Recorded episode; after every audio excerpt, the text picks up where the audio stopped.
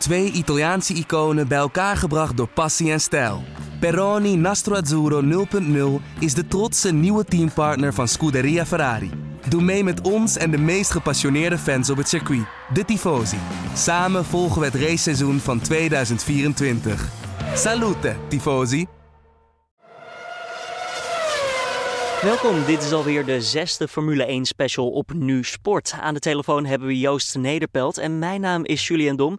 We blikken namelijk terug op de race van Monaco afgelopen weekend. Het was niet heel spannend, althans wel voor Grosjean, want die haalde eindelijk weer eens de finish. Maar uh, ja, Ricardo die eindigde als eerste en voor Max was het vooral een inhaalrace. Dan moeten we ook nog even zeggen dat Gasly het ontzettend goed doet ondertussen. Um, ja, Joost, moet Max daarom voor zijn positie vrezen? Nee, voorlopig nog niet. Maar hij moet wel echt gaan stoppen met dit soort fouten maken. En dat is ook de reactie eh, van uh, Christian Horner en uh, Helmut Marko van Red Bull naar die crash in de derde vrije training. Dit moet gewoon stoppen. En, want anders, als hij dit seizoen heel veel van dit soort fouten nog blijft maken, ja, dan gaat er op een gegeven moment op een moment komen dat het Red Bull denkt van ja, dit is, dit is niet meer de moeite. Maar ik, ik, heb, ik had zelf voor het eerst idee dat Verstappen nu ook echt door had van... Uh, ik heb nu al echt een kolossale fout gemaakt. En na eerdere momenten dit jaar uh, nou, schoof hij de schuld nog een beetje af. Of altijd niet terecht. Of uh, haalde hij zijn schouders een beetje op. En in China was hij dan wel vol schuldgevoel nadat hij tegen Vettel aanreed. Maar nu ja, had ik echt het gevoel dat het hem wel een beetje pijn deed, deze, deze, dit incident. Ja, en we zeggen het natuurlijk in de podcast ook al bijna ja, elke race. Hij moet stoppen met die fouten. Maar wanneer gaat hij dat ook doen dan? Ja, maar het, is. Het, kijk, ik bedoel, uh, Horner die, die doet tegenwoordig redelijk. Uh, is redelijk streng. Maar ik vind hem ook een beetje ongenuanceerd. Want je moet inderdaad. Al ga je zo'n afweging maken of stappen nou te veel fouten maken of niet. Nou, die maakt hij. Dat, daar is iedereen het over eens, inclusief hij zelf. Maar je moet wel de nuance kijken, houden door elk geval apart te bekijken. Nou, dit was duidelijk zijn schuld. Um, in China was het duidelijk zijn schuld. Bahrein kun je over twisten. Dat hij in Barcelona tegen Stroll aanreed, is, overkomt hem wel weer. Hij komt weer in die positie, maar dat had ook met Stroll zelf te maken. Ja, hij telde dat zou zelf dan weer niet als incident, Barcelona? Nee, en de, ja, dat was ook niet volledig. Kijk, die nuance moet je er wel inhouden. Maar aan de andere kant, hij komt wel steeds in die situaties. En in, in Australië spint hij omdat zijn auto is beschadigd. Maar dat was ook nadat hij zelf eerst te hard over de curbstones was gereden. Um, je moet natuurlijk ook niet verzanden in een coureur die overal excuses voor heeft. En, uh, en uh, daar begint het dan op een gegeven moment ook een beetje te lijken. Want uh, je kan elk incident afzonderlijk bekijken en dan kun je dat analyseren. Maar aan de andere kant, op een gegeven moment wordt het een hele reeks en dan raken mensen dat overzicht toch kwijt. Inclusief zijn eigen teamleiding. dus ja, hij, dat, dat, roepen we eigenlijk al, al lang. En hij heeft echt een aantal clean races nodig. En ja, dat is hem tot dusver nog steeds niet gelukt. Al moet ik zeggen, met een beschadigde auto naar in Barcelona naar de derde plaats rijden is gewoon een hartstikke goede prestatie. En, en wat hij gisteren in de race liet zien, uh, was eigenlijk ook gewoon hartstikke goed. Dus dat, dat, is, dat is dan gelijk weer zijn, zijn geluk en, en ook zijn, zijn kunnen. Hij bewijst aan de andere kant ook stel altijd weer dat hij toch even goed wel heel veel in zijn mars heeft. Zeker voor een 20-jarige. Hij heeft heel veel uh, ingehaald in Monaco. Dat is sowieso denk ik iets wat niet veel coureurs zouden kunnen in zijn positie van laatste beginnen. En dan alsnog, ook al heb je een goede auto, dit laten zien. Ja, en uh, zonder iemand aan te raken. Nou, bij Sainz was het, uh, dat die Sainz buiten inhaalde, was het allemaal kiele kiele. Maar dat ging allemaal net goed. Maar, maar uh, toen, toen zat denk ik heel Nederland met samengeknepen billen op de bank. Maar nee, inderdaad, het was gewoon hartstikke nette race. En dit was eigenlijk het maximaal haalbare jaar. had net de pech dat, dat Hulkenberg na zijn pitstop precies voor hem op de baan kwam. Want anders had hij misschien Hulkenberg en, of nou, was hij ieder geval voor Hulkenberg nog gefinished. Maar ja, hadden als, uh, hij had natuurlijk vooral niet moeten crashen in de derde vrije training. Want dan had hij de race gewoon gewonnen. Want Ricciardo had een probleem met zijn auto. En Verstappen, ja, die had dat niet. Dus, maar goed, dat is allemaal ja. als dan. En ja, wacht even, voordat we naar Ricardo gaan, uh, nog heel eventjes Gasly. Want die doet het dus ook ontzettend goed. Maar ik kan me voorstellen dat hij wel zoiets heeft van... Ja, ik hoop uh, dat we uiteindelijk weer een switch gaan maken. Want blijkbaar is dat eerder ook gebeurd bij Red Bull. Kijk naar Verstappen, hoe hij daar is gekomen. Tuurlijk denkt Gasly dat. Maar Gasly zit pas in zijn eerste volledige seizoen. Uh, en Verstappen die had er uh, toch al iets meer op zitten. En bovendien, uh, Verstappen die die verving Daniel Kwiat. En Daniel Kwiat was snel, ja, maar die, die maakte toch nog wel, ja, die maakte ook veel brokken, maar die was lang niet altijd snel. En Verstappen, als hij geen brokken maakt, is hij wel snel. Dat zei hij, dat zei hij gisteravond ook natuurlijk voor de camera van, van Ziggo.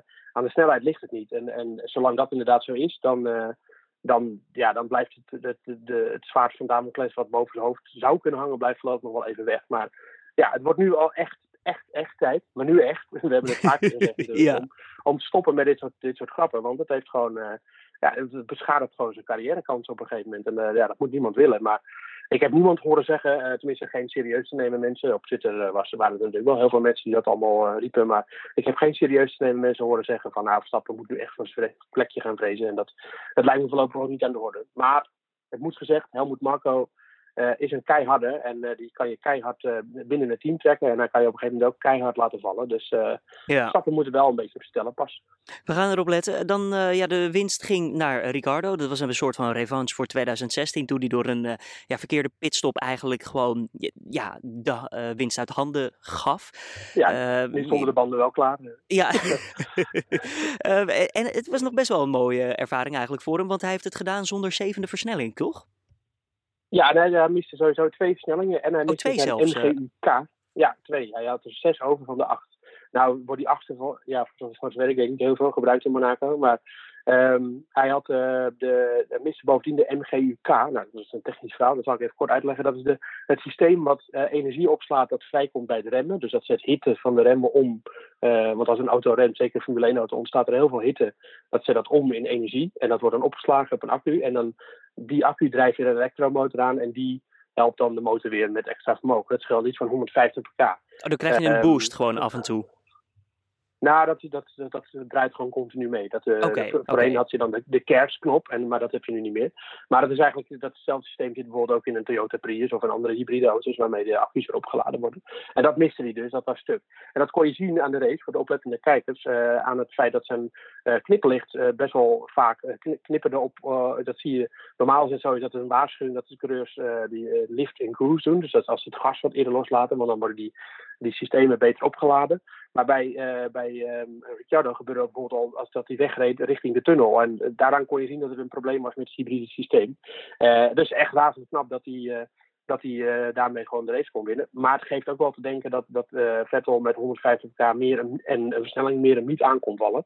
en dat, ja, dat, dat heeft weer alles te maken met de banden en de saaie race waar we het zo meteen nog over gaan hebben. Ja, is dat dan maar ook misschien een ding dat Vettel dacht van ja, weet je, veilige de tweede positie, dat is goed genoeg voor mij als ik maar boven Hamilton eindig?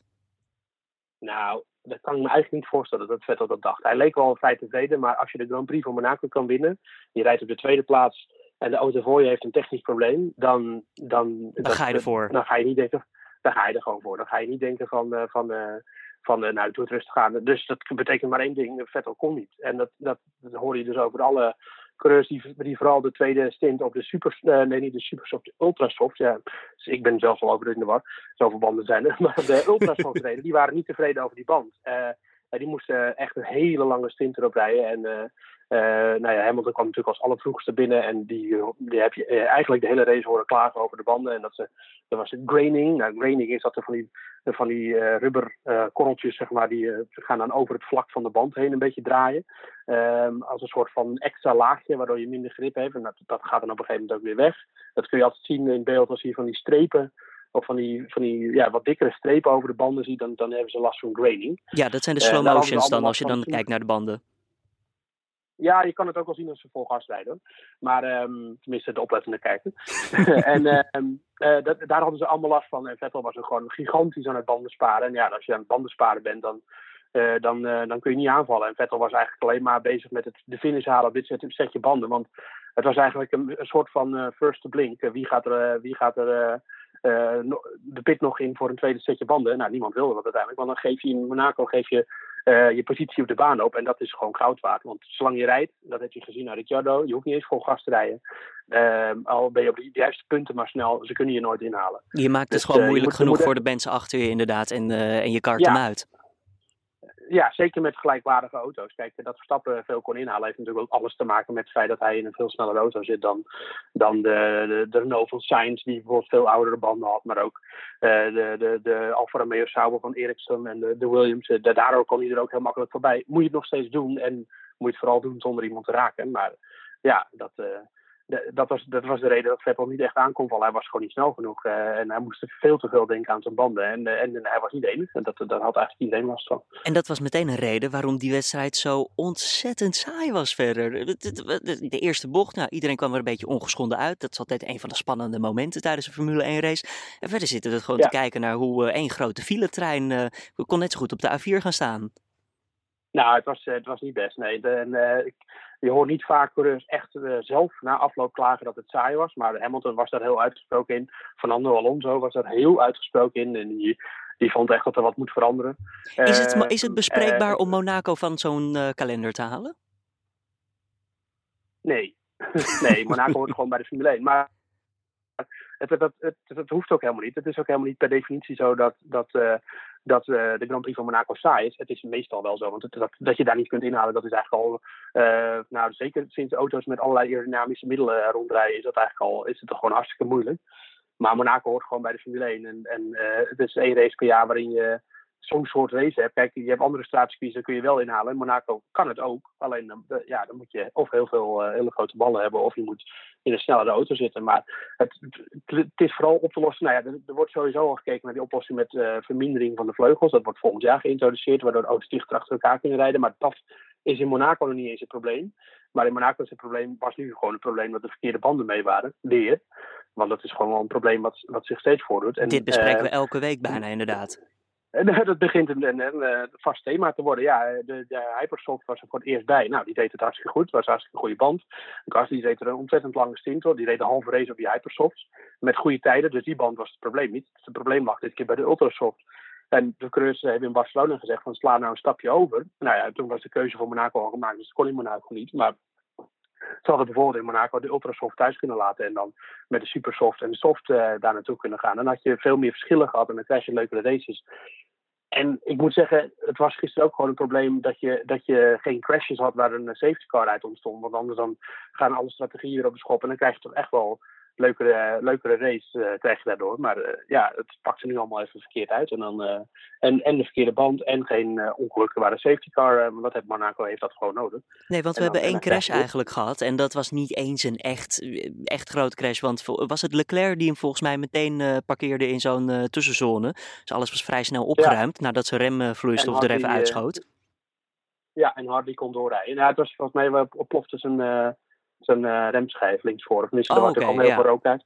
Ja, ja, het was een, spektakel dat viel helemaal weg in de, in de race. Ja, dat was gewoon. Ja, kijk, en ik, de, de, ik kan me zat races van uh, in Monaco herinneren waarin ze allemaal tegen elkaar aanreden. Crashes, vorig jaar nog een auto op zijn kant. Weet je wel, dat gebeurt allemaal.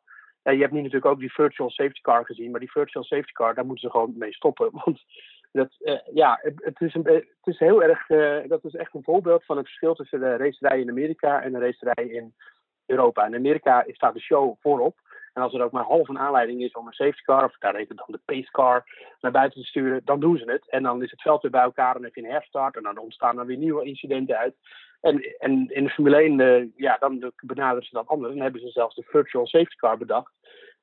Waardoor het, de race eventjes een beetje, nou, iedereen wat langzamer rijdt en dan gaan we weer. En uh, die virtual safety car klopt van geen kant. Want uh, nadat, uh, als je kijkt nadat die virtual safety car was afgelopen, dan waren de gaten tussen de coureurs in ene heel anders. Vettel lag in ene vijf seconden achter Ricciardo, terwijl hij er steeds een seconde achter lag.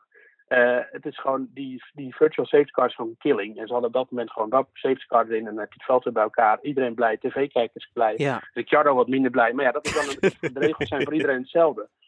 Dat, het is gewoon, uh, ja, die virtual safeguard is echt een drama en de slechtste uitvinding die ooit in de Formule is gedaan. Dat, uh, is die bespreekbaar gemaakt? Is die, uh, gaat die verdwijnen? Zijn coureurs er ook niet blij mee? De coureurs zijn er niet blij mee. En, nou ja, kijk, dat is natuurlijk het, het, probleem met coureurs. Die, die kijken altijd vanuit hun eigen perspectief. Maar na, na Barcelona was het natuurlijk ook een virtual safety car. En dan heeft Vettel al echt precies eigenlijk de punten die ik ook net maak, het, het helemaal gefileerd waardoor het niet werkte. Waardoor Waardoor het vooral niet eerlijk is ook. Want, want coureurs die kunnen gewoon bochtjes afsnijden, dan weer niet en dan weer wel. Je moet onder een bepaalde tijd rijden. Ja. De gaten veranderen steeds. Uh, en, en, jij zegt van ja, in Amerika doen ze het goed, maar in Amerika, uh, de rechten liggen nu in Amerika. Dus ze kunnen het er gewoon simpelweg aanpassen. Zeggen, nou ja, weg met die virtual safety car. Kan gewoon weer uh, met die Mercedes de baan op en blijft er maar achter. Ja, zo, zo, zo simpel is die. De, de rechterhouder heeft, heeft wel een stem in wat er moet gebeuren, maar dat moet wel iedereen het over eens zijn. Maar uh, dus er gaan wel steeds meer stemmen op om met de virtual safety car te stoppen. Want dat, uh, ja, het is gewoon een, is een dramatisch iets. En uh, dat, het is, het is, typisch Formule 1 en een hele, ja, misschien wel Britse benadering van dingen. Van de race moet want Formule 1 is natuurlijk vooral een beetje Brits georiënteerd. Van het moet vooral puur zijn, het moet vooral de race rijden, het moet allemaal heel erg eerlijk. Maar, en steeds de safety car de baan op, ja, dan benadeel je de, de, degene die aan de leiding ligt. Dat klopt, maar ja, de race wordt wel spannender. En uiteindelijk benadeel je vooral de tv-kijker thuis als je het niet spannend maakt op deze manier. En die safety car gisteren was heel erg nodig en dat, dat had het allemaal veel gemaakt. Volgens mij hebben we dan ook meteen alles besproken wat er gebeurde in Monaco. Want ja, zoals we net de hele tijd praten, het was niet zo'n heel spannende race. Zullen we dan even vooruitblikken naar Canada? Uh, een van de leukste van het seizoen. Uh. Is dat zo? Ja, 10 juni staat hij op de agenda, dus twee weekjes mogen we wachten. 10 voor, uh, 10 voor, ja. nee, 10 over 8 s avonds kunnen we kijken dan naar de race op het circuit Gilles Villeneuve. En waarom Oei. is dat een van de leukste races van het jaar? Dat circuit is gewoon, dat werkt gewoon. Er zijn inhaalmogelijkheden. Dat, het is sowieso gewoon een hele leuke, mooie baan. Ehm, en de, ja, dat heeft ook een beetje met historie te maken. Er zijn gewoon hele fantastische races uh. Ik, was er zelf bij in 2011, dat is al lang geleden, zo oud ben ik al. Toen, uh, toen uh, Jensen Button vrijwel de hele race achteraan reed, volgens mij zes, vijf of zes keer door de pitstart moest met drive-through penalties en alles. En uiteindelijk toch nog de race won. en er zijn heel veel van dat soort races geweest in Canada. En dat circuit is gewoon snel. er wordt echt op topsnelheid gereden veel en het is veel vol gas. En toch leuk. En je kunt inhalen. Het is, het is gewoon een fantastische baan. En die, die, uh, die bewijst elke keer weer zijn waarde voor de Formule 1. En de, de, ja, raadt iedereen aan om daar gewoon wel weer naar te gaan kijken. Is het een baan die Red Bull ligt? Um, nou, dat is niet per se, want je hebt een lang uh, rechtstuk. Uh, um, dus dat is een, een nadeel, want daar komt een Renault-motor, zoals we weten, tekort. Hoewel, moet gezegd, jawel, in, in Canada komt Renault wel met een update aan de motor. Dus uh, waar wel een enkele vermogensstappen gezet zouden moeten worden. Maar ja, het probleem is dat waarschijnlijk uh, Ferrari en Mercedes ook alweer met nieuwe dingen komen. Dus uh, het is, je moet altijd kijken. Updates zijn altijd relatief aan wat de concurrentie doet. Maar Renault komt met een update, is beloofd. En dan gaan we zien of het Verstappen wat weet te brengen.